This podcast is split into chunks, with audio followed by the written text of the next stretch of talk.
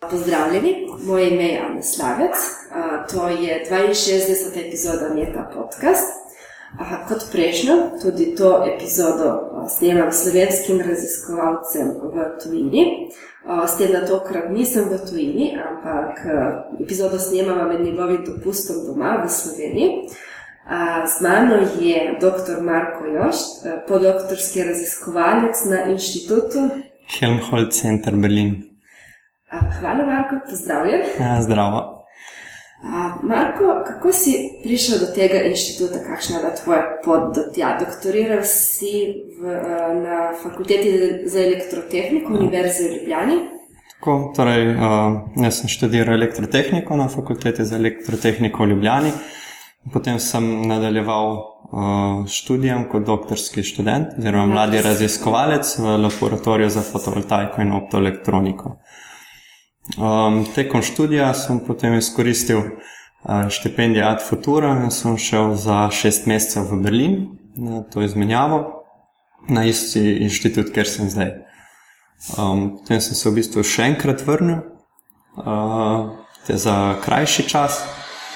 Um, potem so mi pa v bistvu ponudili um, mesto podoktorskega raziskovalca uh, v eni skupini.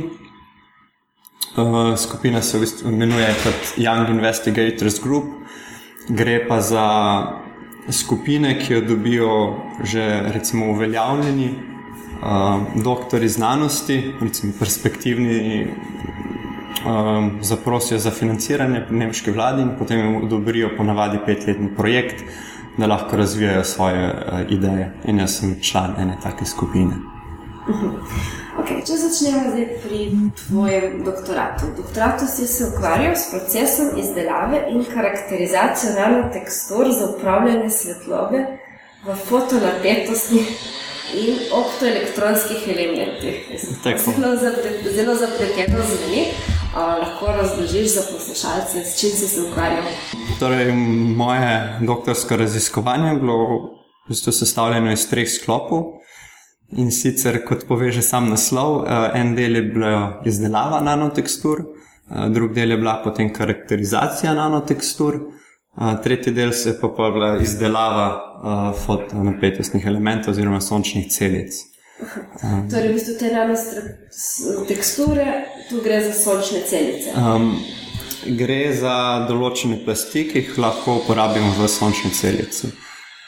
Torej, jaz sem začel s tem že v bistvu z diplomsko nalogo, ker sem razvil en sistem za merjenje sipanja svetlobe in to je ta uh, del karakterizacije nanotekstur. Se pravi, če je površina ni ravna, ampak je hrapava, se del svetlobe razprši. Pomeni, da ne gre več uh, direktno čez plast, ampak imamo ve, uh, pač sipano svetlobo pod različnimi koti in s tem se potem podaljša optična pot v samem aktivni plasti sončne celice in se poveča izkoristek. Torej, sem začel s tem, da sem postavil en merilni sistem. Drugi del je potem bila izdelava samih nanotekstur in sicer gre za postopek replikacije, da mi daš eno, eno teksturo. In potem z enimi laki prenesem prek štampilke v repliko, in ta replika ima potem enako teksturo kot okay, sam original. Če prav razumem, če sem na tistem prvem uh -huh. koraku. Pač, ne vem, klasično, običajno sončne uh -huh. celice so imele neko gladko, zdaj neka gladka površina. V bistvu, tukaj je pa za neko inovacijo, za bolj. Ja, kar, jaz sem to uporabljal na uh, sončnih celicah, ki so narejene uh, na steklu. V bistvu se uporabi steklo kot substrat in potem so na steklo nanešene uh, dodatne plasti, oziroma te plasti sončne celice. Ne samo steklo je ravno in zato je tudi uh, dosta velika odbojnost stekla. Um, jaz sem pa potem nanoteksture uporabil kot eno folijo za upravljanje svetlobo, se pravi, to folijo uh, potem daš na steklo, folija je hrapava, s tem se zmanjša odbojnost, tudi po, povzroči razprševanje svetlobe in se s tem poveča uh, izkoristek same sončne celice. Kakšne pa materijale ta folija? Um, to so bili polimeri, se pravi, prozorni, in se vrde, da gre uh, svetloba skozi. In polimeri, um, načeloma so viskozni, se pa potem strdijo pod UV svetlobo. In to potem je v bistvu tudi se to že proizvaja in uporablja tudi svetu. Um, so te podobne uh, folije tudi že komercialno dobavljive, uh, je pa šlo pri meni bolj za raziskovanje, kot pa kakršno koli komercializacijo. Uh -huh. in, Postopek je že kar znan v literaturi, tudi recimo zadnjih petih do desetih letih je bilo nekaj kar dovolj objavljeno. Uh, Jaz sem pa zdaj to uporabil na novem tipu sončnih celic, ki jih tudi zdaj raziskujem v Berlinu.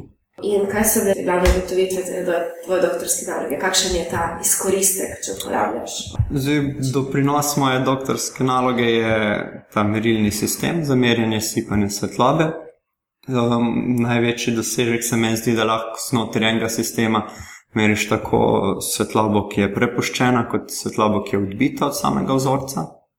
Na zelo enostaven in hiter način. Uh, pomeriš tudi v samem prostoru, se pravi v 3D.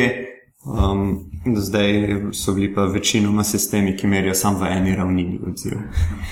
In zdaj uh, na podo- podoktorskem študiju pa nadaljuješ raziskovanje še vedno v tej smeri. Um, torej, tretji del mojega doktorskega raziskovanja so bile perovskitne sončne celice.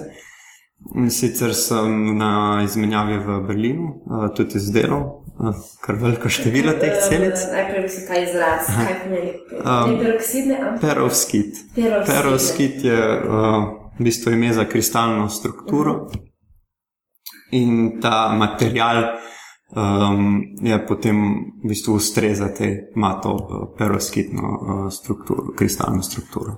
Ampak to je material, ki se uporablja potem na mesto stekla. To je material, ki se lahko uporablja potem na mesto recimo silicija. Se pravi, kot material, ki absorbira svetlobo in potem pač proizvaja elektriko. Um, in uh, kaj si ugotovil v doktorski Um, glede tega materiala? Moja naloga je bila prvo izdelati uh, celice, ki, so, ki imajo dovolj velik uh, izkoristek pretvorbe, oziroma učinkovitost pretvorbe. Um, naredil sem celice, ki imajo 16% izkoristek, kar je, se meni zdi kar lepo. Uh, zdaj, za perovskitne sončne celice je rekord 22,1, uh, za silicijeve je pa trenutno 26,6. Se pravi, so recimo temu uh, primerljive, um, smo pa še dosti daleč od uh, komercializacije. Problem je predvsem v tem, da material ni stabilen, da so celice dokaj majhne, se pravi, moje celice so 4x4 kvadratne milimetre velike, v primerjavi z moduli, ki jih vidiš na uh, strehah. Tako da gre bolj zaenkrat v fazi razi, uh, za fazo raziskovanja. Sem, In s tem se zdaj ukvarjaš na podoktorskem ja, torej jaz sem sklopu doktorata sem uporabil te folije, da izboljšam delovanje a, same sončne celice, trenutno pa raziskujem oziroma probam izboljšati delovanje a, samih sončnih celic, kot s tem, da testiram različne postopke izdelave, različne materijale, kompozicije in tako naprej. Kako pa bi se, če se greva malo mogoče bolj na splošno, eh, ko vidiš, da je prihodnost sončne energije? So določeni kritiki, recimo, ki trdijo, da sončna energija da ni dovolj, da bi priskrbela energijo za vse potrebe um, tega planeta. Um, se strinjaš s temi vidiki? Mislim, da ima fotovoltaika svetlo prihodnost. Sicer so še vedno zadržki, vse skupaj, ampak mislim, da, to, da je to stvar prihodnosti. Se mi zdi, da je tudi podobno kot nekje kot z električnimi avtomobili. pravi, niso še primerljivi, najbolj se pa razvijajo in se razvijajo zelo hitro. Tudi, recimo, glavni problem, sonč, mislim, glavni problem, eden izmed problemov je bila v preteklosti visoka cena modulov, ampak ta cena zdaj konstantno pada. Da mislim, da bo v roku petih let cena še bolj padla in bo potem v bistvu vsem dostopna. A si delal mogoče kakšne izračune, koliko bi se splačalo recimo nekemu gospodinstvu investirati v to, da ima sončno energijo? Um, na hitro sem mal uh, ocenil, kako bi bilo eh, smiselno za našo hišo doma. Uh, meni se zdi najboljša ideja, da v bistvu postaviš module kot streho, se pravi, na strešnikov. Je pa pol tudi odvisno od države do države. Ne. Lastni sončne elektrarne se ti bistvu denar povrne s tem, da ne plačuješ prispevkov za elektriko, in to je pač odvisno od cene elektrike v posamezni državi.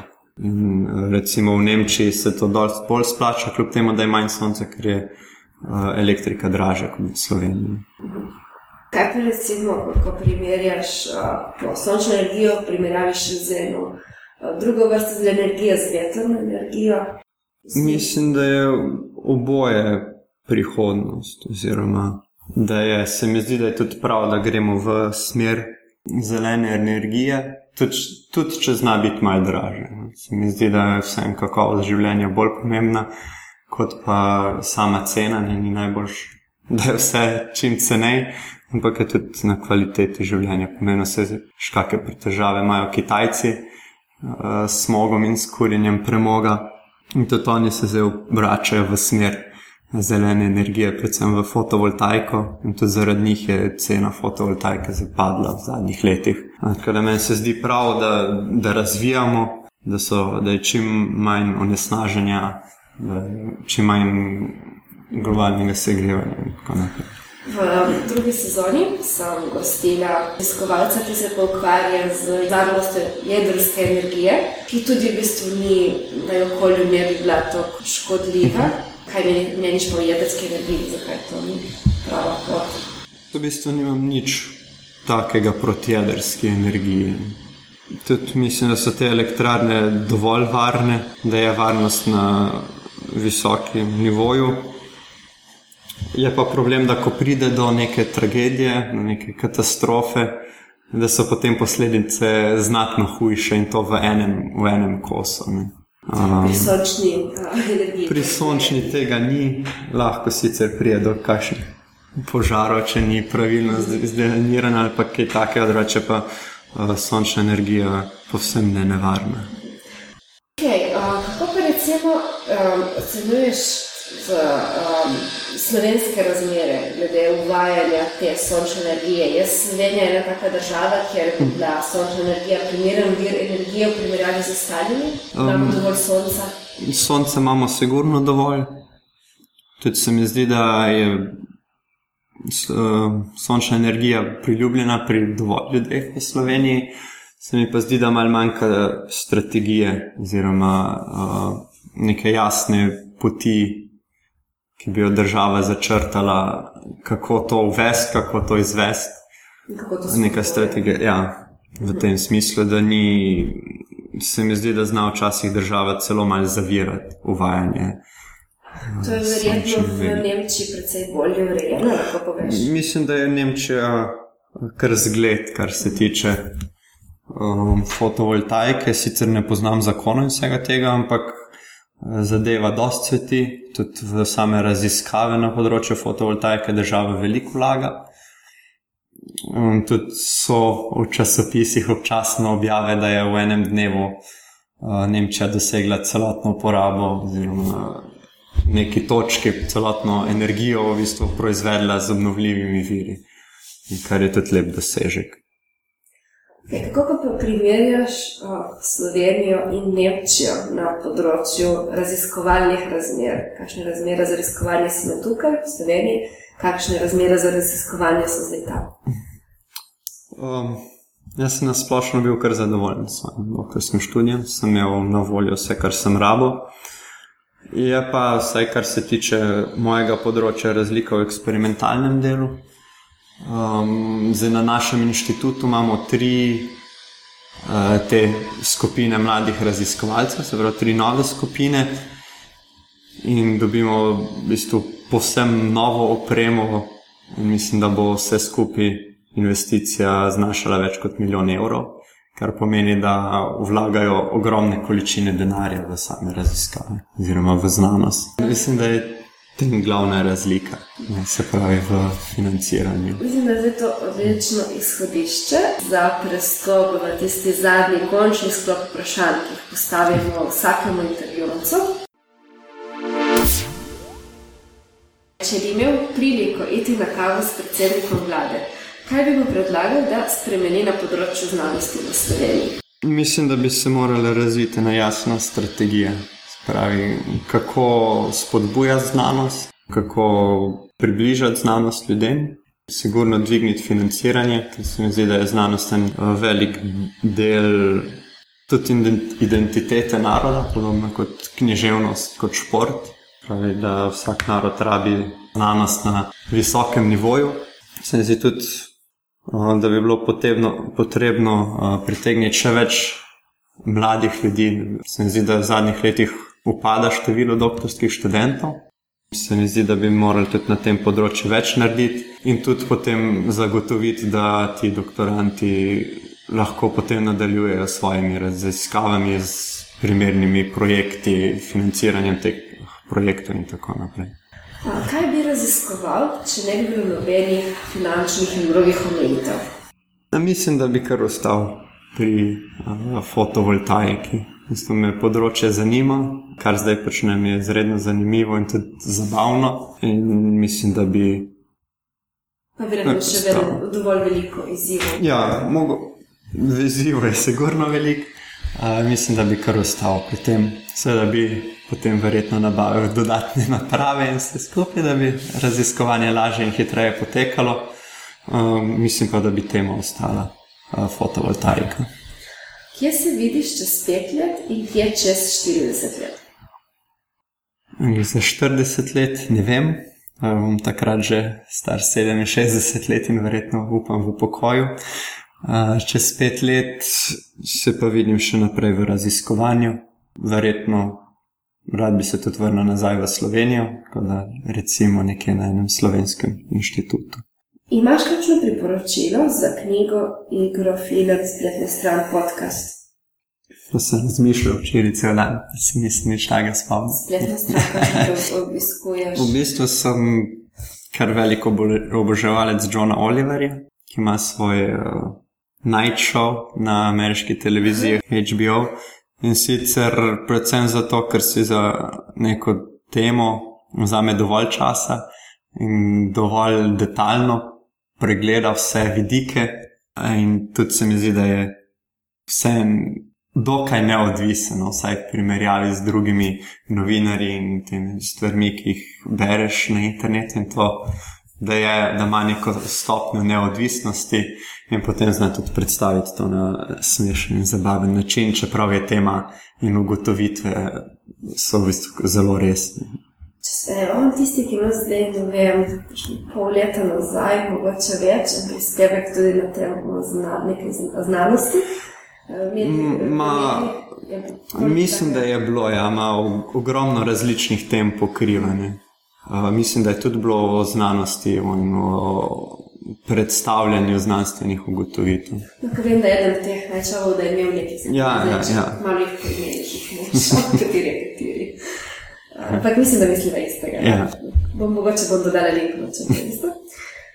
In sva pa pri zadnjem, najtežjem vprašanju, vsaj večina intervjujev pravi, da je to najtežje vprašanje.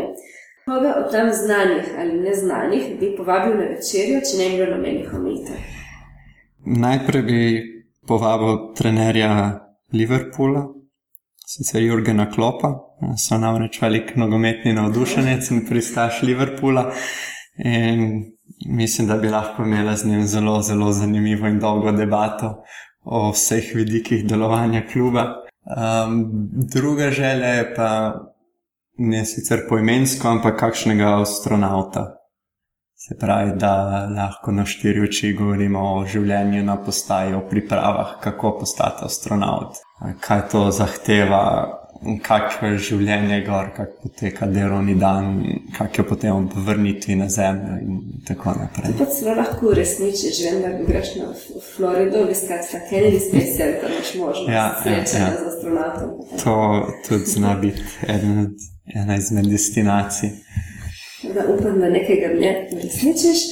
Marko, najlepša hvala, da si vzel čas za ta intervju med tvojim dopustom in uspešno raziskovanje naprej ti želim. Ja, hvala tudi tebi. Poslušali ste Meta podcast. To so pogovori z doktorskimi študenti in študentkami z različnih področji znanosti. Začel jih je Luka Avsec, v drugi sezoni sem se mu pridružila Ana Slavec. Podcast domuje na spletišču metina.lista.si, kjer najdete tudi druge zanimive znanstvene vsebine. Če vam je podcast všeč, ga lahko podprete z donacijo Metini listi. Zahvalo boste dobili izvod knjige Zanimiva, navdihujoča uporabna, ki smo jo izdali ob koncu druge sezone. Gre za zbornik prispevkov 70 raziskovalcev in raziskovalk, ki smo jih intervjuvali v prvih dveh sezonah. Pohvale, pripombe in predloge lahko posredujete po e-mailu znanost afnametinalista.si. Dobrodošli so tudi komentarji na Facebook profilu Metine liste in na Twitterju afnametinalista, kjer uporabite hashtag metaphodcast. Sama pa tvitam kot afnaaslavec. To je bilo to, se slišimo čez 14 dni.